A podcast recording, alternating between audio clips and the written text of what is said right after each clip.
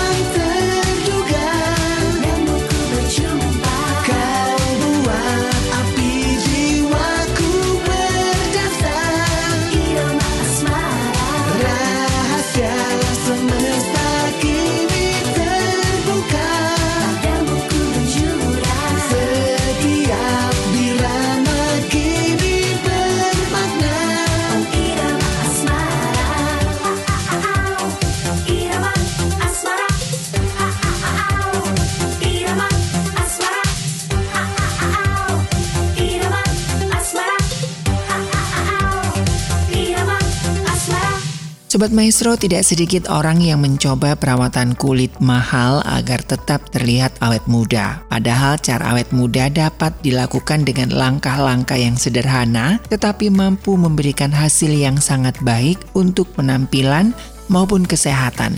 Ya, Sobat Maestro, penuaan merupakan proses alami yang akan terjadi pada semua orang. Seiring pertambahan usia, kulit akan kehilangan elastisitasnya sehingga tanda-tanda penuaan pun mulai bermunculan mulai dari garis halus, keriput, hingga bercak atau flek pada kulit.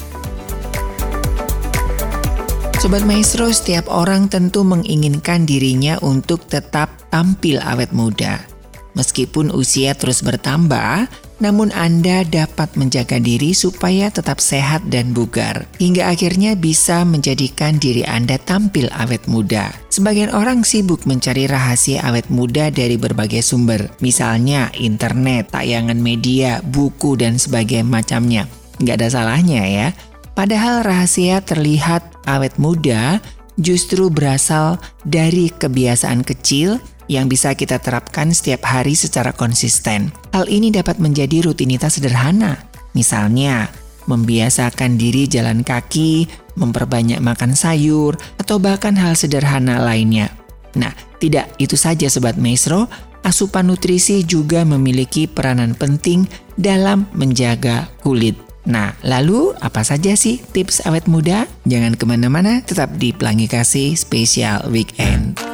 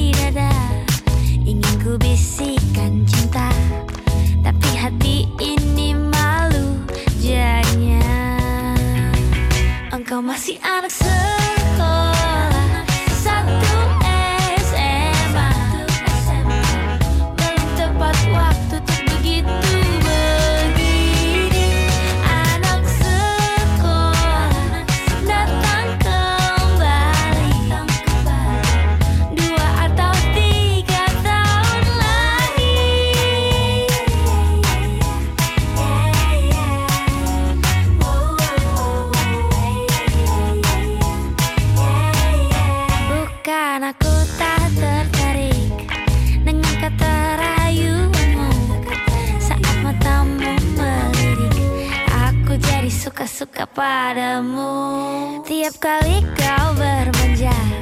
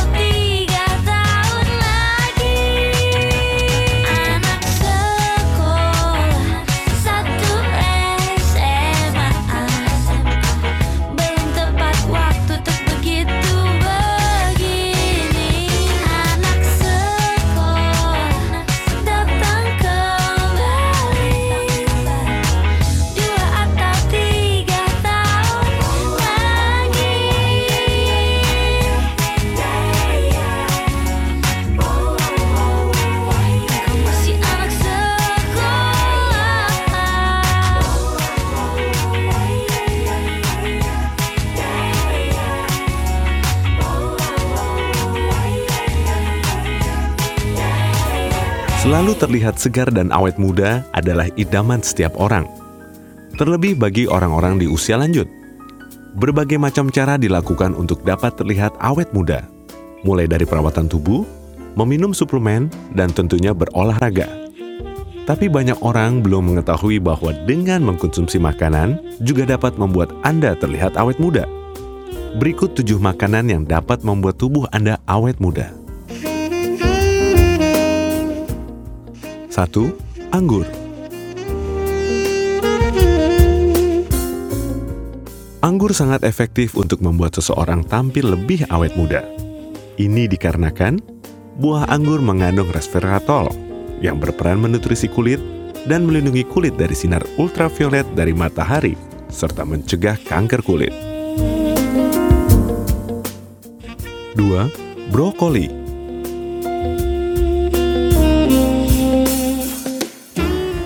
Salah satu jenis sayuran hijau ini juga terbukti ampuh menangkal penuaan dini. Ini dikarenakan brokoli mengandung sumber fitonutrien yang berperan memerangi berbagai jenis kanker seperti kanker paru-paru serta kanker lambung.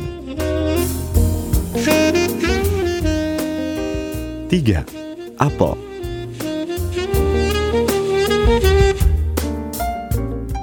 Buah apel juga termasuk salah satu buah yang dapat membuat Anda awet muda. Buah apel merupakan sumber pektin yang sangat efektif untuk mencegah plak atau kolesterol pada pembuluh darah, menyehatkan jantung dan organ pencernaan Anda. 4. Jahe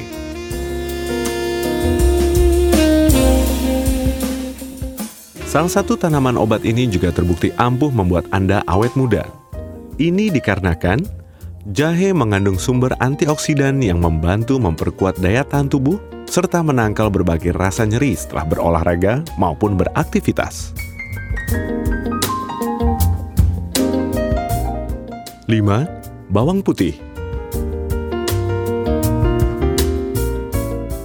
Bawang putih juga digolongkan ke dalam makanan yang membantu awet muda. Bawang putih merupakan sumber flavonoid yang berperan dalam mencegah radang maupun kanker pada lambung, diabetes, menyehatkan organ jantung, serta mengurangi kadar kolesterol jahat dalam darah serta memperkuat sistem imun tubuh. 6. Bayam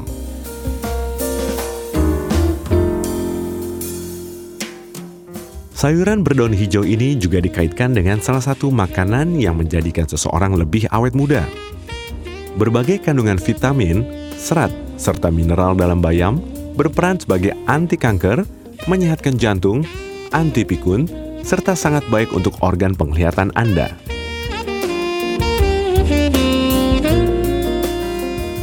Tujuh, jambu biji.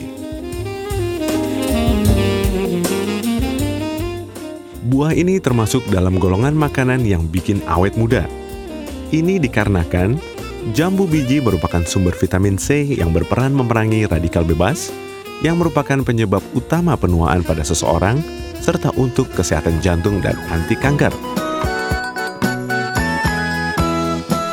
Pikir-pikir apa yang dipikir Rambut rontok dan lekas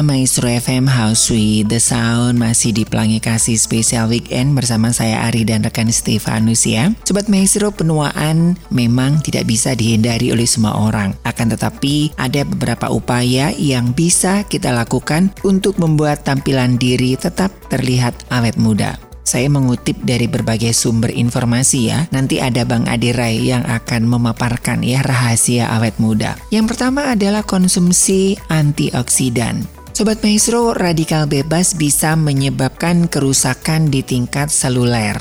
Salah satu dampak dari kerusakan akibat radikal bebas ini adalah kulit terlihat kusam dan berkeriput. Antioksidan berperan dalam melawan kerusakan ini akibat radikal bebas.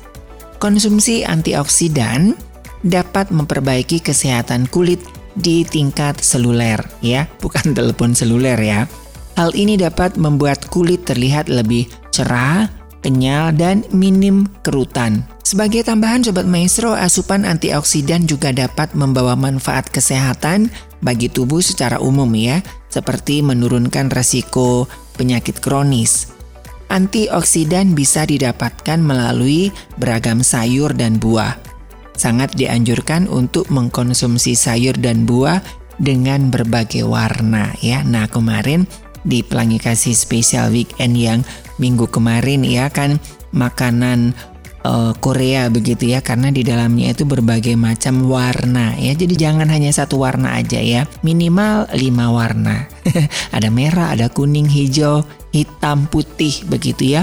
Itu warna-warna alami dari sayuran yang kaya akan antioksidan. Nah Sobat Maestro, tips awet muda yang lainnya adalah berhenti merokok.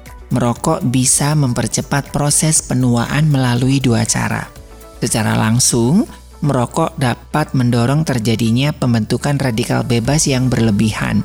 Sedangkan secara tidak langsung, merokok juga menjadi faktor resiko dari beragam penyakit. Sebaliknya, tidak merokok dapat menjadi bagian dari pola hidup yang bermanfaat bagi kesehatan tubuh.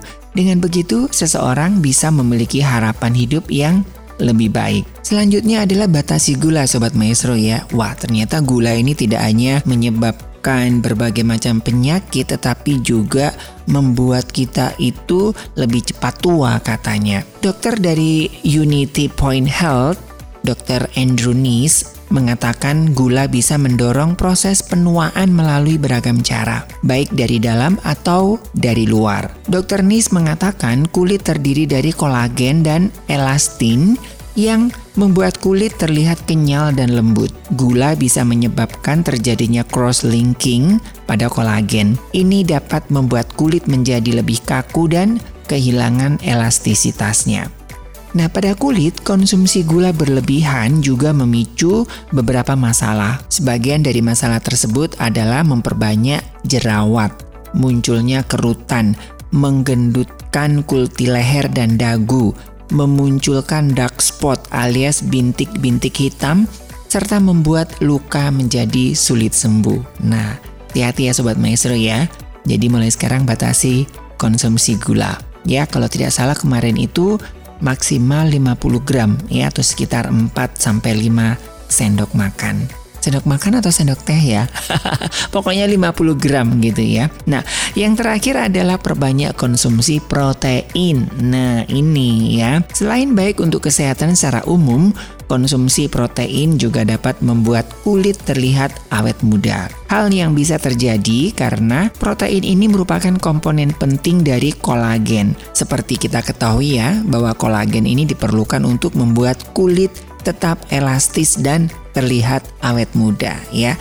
Sekarang banyak ya produk-produk kolagen yang dijual bebas tapi ingat harus yang sesuai dengan um, BPOM dan standar kesehatan ya. Jangan yang abal-abal kepinginnya awet muda eh malah nggak karu-karuan ya. Nah, nanti Bang Adirai yang saya ambil dari dunia Adirai YouTube channel akan memaparkan 7 rahasia awet muda. Kita nikmati satu lagu yang manis ini. Semoga lagu ini juga bisa menambah Anda untuk hidup awet muda. Sayang, aku tahu kita tak banyak bicara. Kau jauh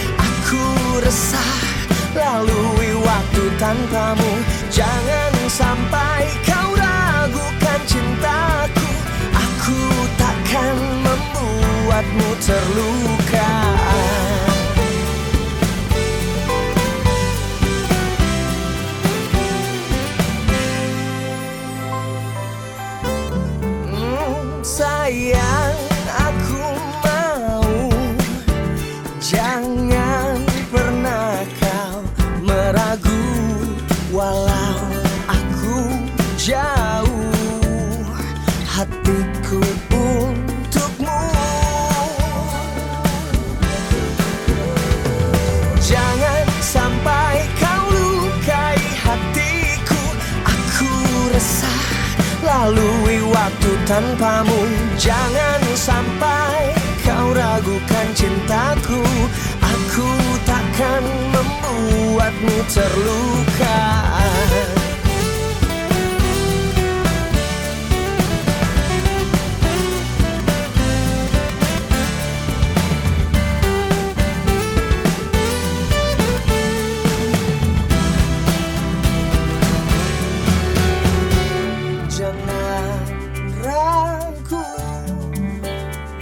Percayalah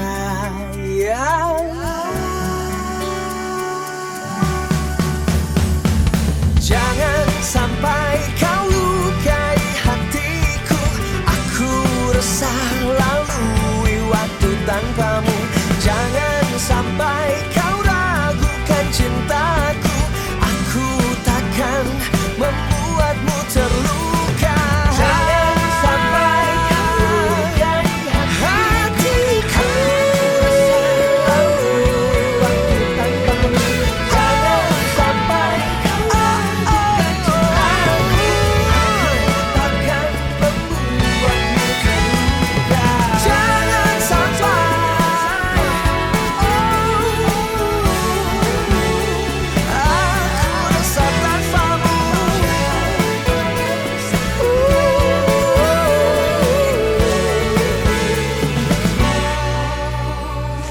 awet muda gitu ya. Di sini kita lihat ya. Awet muda adalah sebuah pemaknaan ya, teman-teman sekalian. Tujuh kunci awet muda yang bisa saya share kepada teman-teman. Bukan berarti bagaimana-bagaimana. Ini juga sebenarnya hanya lebih kepada kayak saya juga sama-sama belajar gimana juga ya caranya kita bisa menghambat proses penuaan. Makanya kenapa ada yang disebut dengan namanya anti aging gitu ya. Pada dasarnya bukan anti aging sebenarnya yang kita inginkan karena aging itu sudah pasti akan terjadi. Tapi yang kita mau lakukan adalah bagaimana kita bisa aging gracefully gitu ya. Nah jadi nomor satu adalah kita harus punya sebuah asosiasi yang menguatkan hati. Nah kalau kita lihat di sini asosiasi, kalau kita tanya tua, hampir sebagian orang kalau kita tanya tua itu artinya apa, hampir sebagian orang bilang tua itu artinya lemah. Tua itu artinya pikun. Tua itu artinya keriput. Tua itu artinya rontok rambut. Tua itu artinya eh, tulangnya keropos. Keropos tulang. Sakit dan sebagainya. Teman-teman bisa lihat ya di sini. Apa yang kita asosiasikan terhadap tua itu adalah sesuatu yang melemahkan hati. Nah kalau ini sesuatu yang melemahkan hati pertanyaannya mau gak kira-kira kita mau tua? Tentu jawabannya tidak mau. Akhirnya apa yang terjadi kalau kita tidak mau tua? Kita takut untuk mengalami hal ini. Nah apa yang kita fokuskan di sana tenaga kita tersalurkan. Jadi bagaimana caranya untuk merubah asosiasi di kepala kita adalah dengan punya asosiasi tua itu yang menguatkan hati. Daripada lemah, tua itu dianggap sebagai dewasa. Tua itu dianggap sebagai matang. Tua itu dianggap sebagai bijaksana. Tua itu dianggap sebagai mapan. Tua itu dianggap sebagai apalagi yang lainnya, sabar dan sebagainya. Jadi kita bisa lihat di sini pemaknaan daripada semakin saya tua nanti, saya pasti akan menjadi orang yang semakin sabar. Semakin saya tua nanti, saya menjadi orang yang semakin lebih dewasa, lebih bijaksana. Semakin saya tua, saya semakin mapan. Semakin saya tua, saya semakin eh, misalnya eh, lebih apa lagi yang lain-lainnya ya. Ya. Jadi teman-teman bisa lihat di sini ketika kita tahu bahwa sikap atau sifat daripada tua itu adalah sesuatu yang membuat kita punya kualitas yang lebih baik daripada sebelumnya, maka otomatis kira-kira des kita look forward gak terhadap tua kitanya. Kita nggak kenapa-napa. Kita takut gak terhadap tua? Jawabannya tidak. Nah pada saat itulah apa yang terjadi justru uniknya di badan kita. Sehat bersahabat dengan pertemanan hati, sakit bersahabat dengan perlawanan hati. Karena tidak terjadi perlawanan hati karena kita semakin tua, pada saat itulah maka kita bisa aging gracefully. Tapi ketika tua menjadi sesuatu yang pelemahan hati, apalagi kayak wanita merasa semakin tua, kecantikannya semakin hilang. Dia lupa bahwa kebijaksanaannya semakin meningkat. Kekuatannya atau eh, mungkin secara performanya lebih menurun, tapi pada kenyataannya sesungguhnya misalnya secara kalau kita berbicara mungkin secara kemapanan, secara mungkin kesabaran, secara apanya lebih kuat, tentu berbeda lagi. Jadi oleh sebab itu teman-teman sekalian malah yang terjadi teman-teman sekalian apa yang kita fokuskan di sana tenaga kita tersalurkan akhirnya tidak sengaja akhirnya kita jadi sedikit menjadi muda itu tetap terjaga oleh kita. Paham ya teman-teman sekalian? Rubah asosiasi tentang pemahaman ini. Sehingga yang tua di sini dijadikan sebagai sebuah pain, tapi di sini yang tua dijadikan sebagai sebuah pleasure. Ketika kita mengasosiasikan rokok sebagai kenikmatan, maka aksinya adalah merokok. Ketika kita mengasosiasikan rokok sebagai kesengsaraan, maka aksinya adalah tidak merokok. Kebalikannya juga sama. Ketika kita mengasosiasikan tua sebagai sesuatu yang nikmat yang akan kita nikmati dalam hidup, eh, suatu nikmat yang akan kita jalani dalam dalam hidup, maka pada saat itu kita look forward terhadap tua. Tapi ketika tua itu kita jadikan sebagai sebuah penderitaan, pada saat itu kita kita tidak berani melakukannya. Paham ya teman-teman sekalian ya. Jadi asosiasinya silahkan ini ada opsi ini opsi ini. Kita pilih mau yang mana. Oke. Nomor dua, ada istilah yang mengatakan nasib daripada sebuah sel bukan tergantung daripada inti, tapi tergantung daripada dinding sel. Maksudnya apa? Maksudnya di sini hanya ingin menjelaskan kepada kita adalah bahwa betapa lingkungan, komunitas, surrounding kita itu kadang-kadang yang menentukan daripada perilaku si sel tersebut. Jadi kalau bahasa sederhananya jadi apa coba? Kalau orang mau sehat, bergaul dengan lingkungan sehat. Kalau mau pinter, bergaul sama lingkungan pinter. Mau alim, bergaul sama lingkungan alim. Berarti kesimpulannya, kalau mau muda, berarti apa? Bergaul sama siapa? Anak muda, tepat sekali.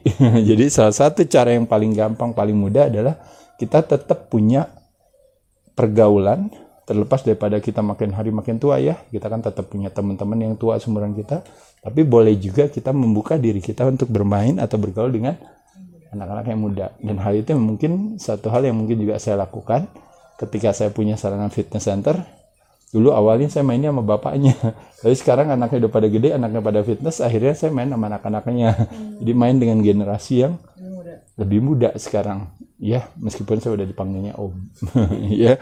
Tapi ternyata salah satu strateginya juga adalah bahwa eh, saya sekarang main banyak teman-teman saya yang umurnya kadang-kadang setengah dari umur saya. Kenapa tidak? Paham ya? Lalu nomor tiga ini adalah yang paling penting dari semua. Kenapa? Karena kita berbicara yang namanya si triad tadi. Otot tulang sama lemak. Otot dikencangkan yang terangsang kekuatannya tulang. Tulangnya kuat, geraknya normal, maka lemaknya rendah. Dan lemak adalah cerminan daripada apa kalau dia tinggi? Cerminan daripada yang namanya berbagai penyakit degeneratif. Hadir semua. Tekanan darahnya tinggi, gula darahnya tinggi, kolesterol, trigliserid, lalu apalagi yang lain-lainnya. Penyakit-penyakit yang berhubungan dengan jantung dan pembuluh darah yang dikenal yang namanya sindroma X gara-gara apa kita bisa lihat obesitas sebagai akibat daripada berbagai hal tersebut. Nah, disebabkan karena yang namanya resistensi insulin. Kenapa terjadi resistensi insulin? Karena terjadinya yang namanya ketidaksensitifan sel terhadap si insulin tersebut. Nah, kalau otot dikencangkan, maka yang terjadi adalah kebalikannya yaitu adalah insulin menjadi lebih sensitif. Kebalikan daripada insulin ditolak resistensi insulin. Nah, jadi sekali lagi teman-teman sekalian, latihan beban adalah salah satu upaya yang bisa kita lakukan untuk menahan laju penuaan yang cepat. Yaitu adalah dengan cara kalau ototnya rajin dikencangkan, maka tulangnya kuat, tulangnya kuat kitanya jadi rajin gerak. Kadar lemaknya rendah, jadi otomatis orang bilang kepada saya seolah-olah ibaratnya kok saya terlihat lebih muda daripada orang-orang seumuran saya. Sekarang saya udah mau 52, tapi bentuknya mungkin misalnya berbeda. Bukan berbeda dalam hal apa, tapi lebih kepada yang namanya komposisi tubuh. Ketika saya punya otot yang tetap saya pertahankan. Dengan saya terus mempertahankan otot saya, maka otomatis tulang saya kuat. Tulang saya kuat, maka lemak saya normal. Nah, kalau lemak saya normal, maka otomatis teman-teman bisa melihat berbagai penyakit yang disebut sebagai penyakit tua gitu ya karena terjadinya metabolic syndrome atau penyakit-penyakit yang berhubungan dengan dengan dengan metabolisme itu kita bisa minimalkan. Makanya kenapa jadi seolah-olah sekali lagi dimaknai sebagai awet muda pada kenyataannya sesungguhnya adalah apa? Coba teman-teman hanya menjaga si ototnya sendiri. Jadi teman-teman sekali lagi dari seluruh olahraga apalagi sejak umur 30 tahun ke atas ketika terjadi sinergi ya seiring dengan penurunan gerak kita aktivitas kita maka otomatis terjadi yang namanya lacking of muscle mass tadi. Satu persen setiap tahun sejak umur 30 satu persen itu setara dengan 1 sampai 3 persen fungsi. Jadi bisa bayangin kalau umurnya udah 50 tahun terjadi penurunan bisa sampai berapa persen teman-teman sekalian up to 60%. Karena apa? Karena 20 tahun. 50 fungsinya satu kali tiga 20 kali tiga 60 yang tadinya duduk bangun berdiri bisa naik tangga bisa bawa koper sendiri bisa angkat kopernya di pesawat bisa ditaruh di bagasi sekarang semuanya nggak bisa dilakukan nggak kuat naik tangga aja ke lantai dua udah nggak kuat teman-teman. Bener nggak? Karena terjadi penurunan fungsi yang lebih dari 50% gitu ya. Kalau bayangin kalau fungsinya 100% hilang berarti teman-teman udah tahu kan? Yang tadinya biasa berdiri akhirnya harus pakai kursi roda. Nah jadi bukan ide baik. Lalu mulut kita adalah sumber kesehatan dan sumber kesakitan. Menjadi sesuatu yang penting banget ya. Bahwa kembali lagi seseorang terlihat tua bukan terlihat muda disebabkan karena konsumsi yang terakumulasi. Akhirnya jadi gemuk jadi akhirnya jadi problem dengan karena kronik inflamasi terjadi peradangan di pembuluh darah. Akhirnya kulitnya juga problem akhirnya juga mukanya problem bentuk badannya juga problem dan sebagainya. Oleh sebab itu apa yang bisa kita lakukan? Satu yang paling gampang adalah intermittent fasting puasa. Itu yang paling mudah puasa diawali dari 12-12 paling gampang. Nanti kita boleh ke yang namanya time restricted eating di kisaran antara sekitar 6 sampai 18 atau sekitar 8 sampai 16 tidak makannya 16 jam makannya cuma 8 jam. Atau tidak makannya 6 jam makannya dah 18 jam. Nah teman-teman bisa lihat di sini bertahap pelan-pelan ya kenapa? Karena seperti saya sering katakan problemnya sama kesehatan kita sama kegemukan kita karena kita tidak mengenal yang namanya pilihan sumber tidak selektif terhadap sumber terhadap penyajian terhadap timing terhadap jumlah gitu. Makanya kenapa puasa menjadi satu hal yang penting. Kedua adalah low carbs karena makronutrisi yang paling banyak kita konsumsikan adalah karbohidrat. Dan kita jarang latihan beban. Latihan yang menggunakan gula karbohidrat sebagai sumber tenaga itu paling efektif dibakar dalam waktu yang paling singkatnya. Kita nggak pernah lakuin. Makanya kenapa harus low carbohydrate. Tapi kalau rajin latihan beban memungkinkan nggak kita punya yang namanya phenotype? Itu artinya secara metabolik metabolisme kita punya fleksibilitas terhadap tubuh kita punya respon yang lebih baik terhadap si karbohidrat. Jadi biasanya dengan kita kurangi karbohidrat, fokus ke fibrous carbohydrate. Nah, di sini makanya kenapa sayur-sayuran, buah-buahan tapi juga yang rendah gula yang bisa kita konsumsikan di sini. Paham ya, teman-teman ya? Lalu selain itu adalah yang kita paling kurang juga karena kita berbicara otot, latihan beban, kita berbicara yang namanya osteosarkopenia, obesitas. Ya, teman-teman ingat ya, masalah daripada orang tua selalu ya tulangnya problem gara-gara ototnya lemah sehingga akhirnya lemaknya tinggi gitu ya. Akhirnya kerja jantung jadi berat tekanan darah jadi tinggi trigliserida dan sebagainya. Nah oleh sebab itu teman-teman kita kalau bisa mengkonsumsikan protein yang cu- cukup. Protein yang cukup itu berapa? Kira-kira yang kita butuhkan minimal per mil paling tidak 30 gram proteinnya. Ini kayak panduan umum aja kalau teman-teman tahu. Kalau teman-teman bisa makannya misalnya tiga kali, berarti tiga kali 30. Kalau makannya dua kali, mungkin 40 kali dua. Kalau makannya satu kali ya mungkin 50 gram sekali makan silahkan. Ya. Lalu good fat, sesuatu yang penting karena ini hubungannya juga dengan kolesterol yang baik di badan kita yang menjadi modalitas daripada hormon di dalam tubuh kita, pembentuk hormon di dalam tubuh kita. Jadi kita dapat dari sumber-sumber alami, bukan yang refine atau olahan. Makanya good fat seperti apa? Dari macam-macam, dari kuning telur, dari alpukat, dari minyak ikan.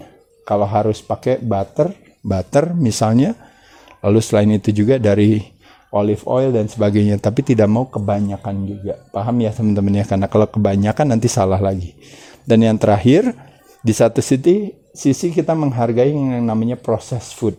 Kalau proses food itu diproses membuat makanan itu jadi nilainya jadi lebih berkualitas dari sebelumnya pada saat dialami berarti proses food oke. Tapi kebanyakan proses food akhirnya membuat kualitas makanannya dari yang awalnya baik akhirnya jadi berkurang karena hanya pertimbangan kenyamanan. Vitaminnya berkurang, mineralnya berkurang, lemak esensialnya berkurang, amino asidnya berkurang. Berarti proses foodnya sa salah. Makanya kenapa kita berfokus kepada makanan-makanan yang alami. Bukan berarti makanan yang alami semuanya 100% lebih baik dari proses food, belum tentu. Justru proses food dengan teknologi kadang-kadang dia bisa mengekstrak sesuatu yang jeleknya dibuang, yang bagusnya dipertahankan, bahkan dilipat gandakan kan ada kan? Ya, makanya kenapa ada suplementasi suplementasi, ya. Jadi eh, bukan berarti eh, proses food jelek, tapi hanya lebih kepada pemahaman tersebut. Kalau kita yang natural, yang alami, yang organik, satu hal pasti akan baik berhubungan dengan awet mudaan kita. Lalu yang kelima adalah istirahat yang cukup teman-teman. Teman-teman udah tahu ya. Kalau kurang istirahat udah pasti apa yang terjadi. Berbagai hormon yang akhirnya menciptakan yang namanya kronik inflamasi tersebut. Ya, makanya kenapa kortisol dalam waktu yang terlalu panjang, bukan kortisol dalam waktu yang singkat gitu ya, bukan stres yang singkat, tapi stres yang terus menerus ya, yang akhirnya sehingga kita mengalami kelelahan pada saat itu wajar gak kalau ibaratnya yang anak muda aja kalau lelah aja mukanya aja layu gitu ya. Gimana kalau orang tua ya? Paham ya? Makanya oleh sebab itu istirahat mesti cukup ya. Lalu nomor enam adalah bagaimana how to minimize stress adalah cukup dengan punya opsi cara pandang yang menguatkan hati dipegang yang melemahkan hati dijauhkan. Salah satunya yang paling mudah adalah kalau istilahnya orang bilang yaitu adalah kalau bicara yang namanya positive thinking adalah melihat segala sesuatunya dari sisi yang menguatkan hati. Nah, jadi kayak contoh misalnya setiap kali kita melihat segala sesuatu, kita coba melihat dari sisi kebaikan hal tersebut. Makanya kenapa ada berbagai istilah seperti misalnya blessing in disguise, berkah di balik sebuah musibah. Kenapa seorang juara berbeda dengan seseorang yang tidak juara itu disebut dengan yang namanya kalau istilahnya orang yang juara itu can go through pain barrier. Pain barrier itu adalah apa? Jadi istilahnya semacam threshold yang harus dilewati, jadi batasan, barrier yang harus kita lewati, kelihatannya hari ini tuh susah. Jadi kalau ada istilahnya yang namanya bersakit-sakit dahulu, bersenang-senang kemudian tuh maksudnya itu. Kalau teman-teman tahu. Jadi kadang-kadang dalam kita melihat sehari-hari jadi stressfulness in life makanya kenapa ada istilah there is no stress sebenarnya in the world is only people yang thinking stressful thoughts. Jadi bukan stresnya stresnya kita ciptakan sendiri. Kenapa kita ciptakan sendiri? Karena kepala kita senang menciptakan sebuah drama. Dia senang berlari ke masa lalu mengarahkan kita pada ke yang namanya perasaan bersalah dan perasaan menyesal. Atau dia meng- mengarahkan kita kepada masa depan yang mengarahkan kita pada ketakutan dan kecemasan atau kekhawatiran karena kita tidak memiliki sebuah keikhlasan dalam hal apa? Dalam hal menerima sebuah perbedaan menerima sebuah ketidakpastian menerima sebuah kesakitan yang seolah-olah sebenarnya mungkin sesungguhnya ternyata adalah sebuah pembelajaran bagi kita dan selanjutnya. Jadi teman-teman paham ya di sini ya. Kalau kita punya opsi cara pandang termasuk juga dalam hal kalau tadi kita berbicara sebenarnya ini asosiasi bukan cuma dalam dalam hal urusan tua dan muda, tapi dalam urusan yang lain maksudnya. Ya. Dan yang terakhir adalah tentunya kalau kita berbicara seperti hari ini. Apa yang lacking hari ini yang tidak kita lakukan?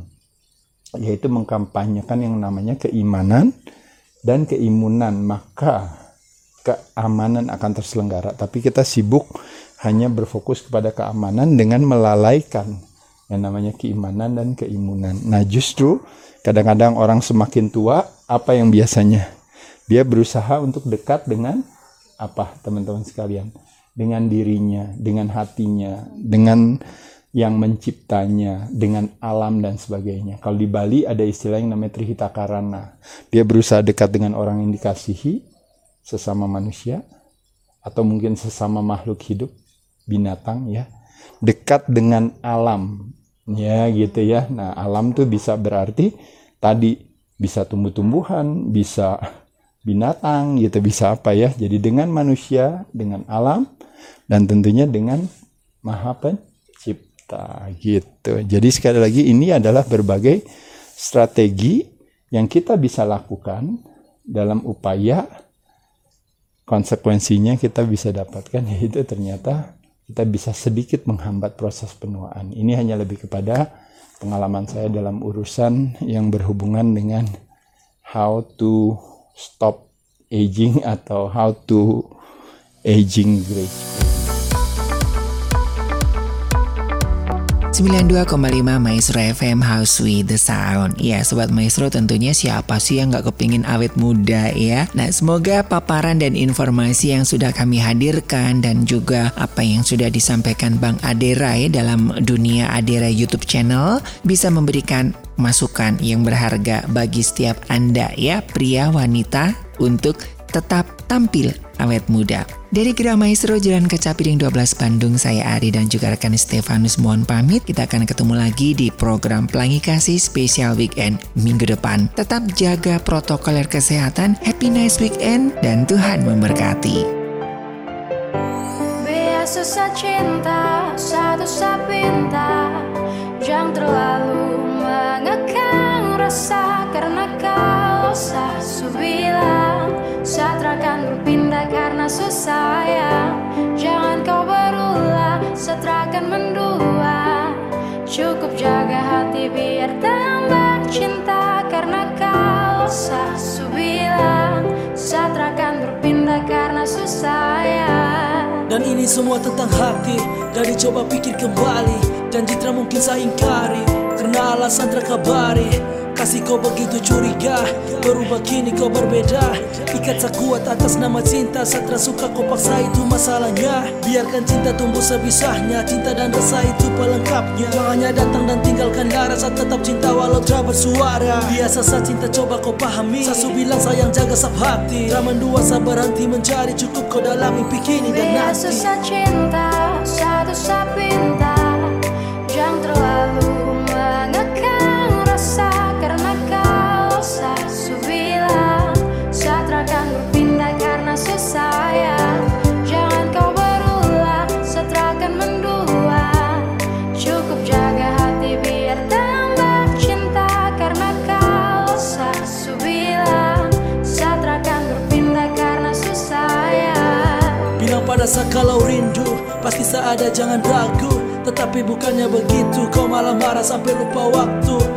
Gak balas apa pesan? Jujur saya sayang kau membingungkan. Saya cuma butuh sedikit sandaran. Kau pikir semua itu cuma jalan. Saya dekati selingkuhan Dan coba renungkan kembali. Seperasa tumbuh dan termati. Kau masih jadi kekasih. Jadi jangan takut sa ke lain hati. Biasa sa cinta satu sa pinta Jaga hati biar sa makin cinta. Percaya rasa jangan dengar cerita. Pegang sa janji sa coba berpindah. Biasa sa cinta Satu sa pinta Jangan terlalu rasa Karena kalau sa su bilang. Satra akan berpindah karena susah ya Jangan kau berulah Satra akan mendua. Cukup jaga hati biar tambah cinta Karena kalau sa su bilang. Satra akan berpindah karena susah ya Biasa sa cinta, satu sa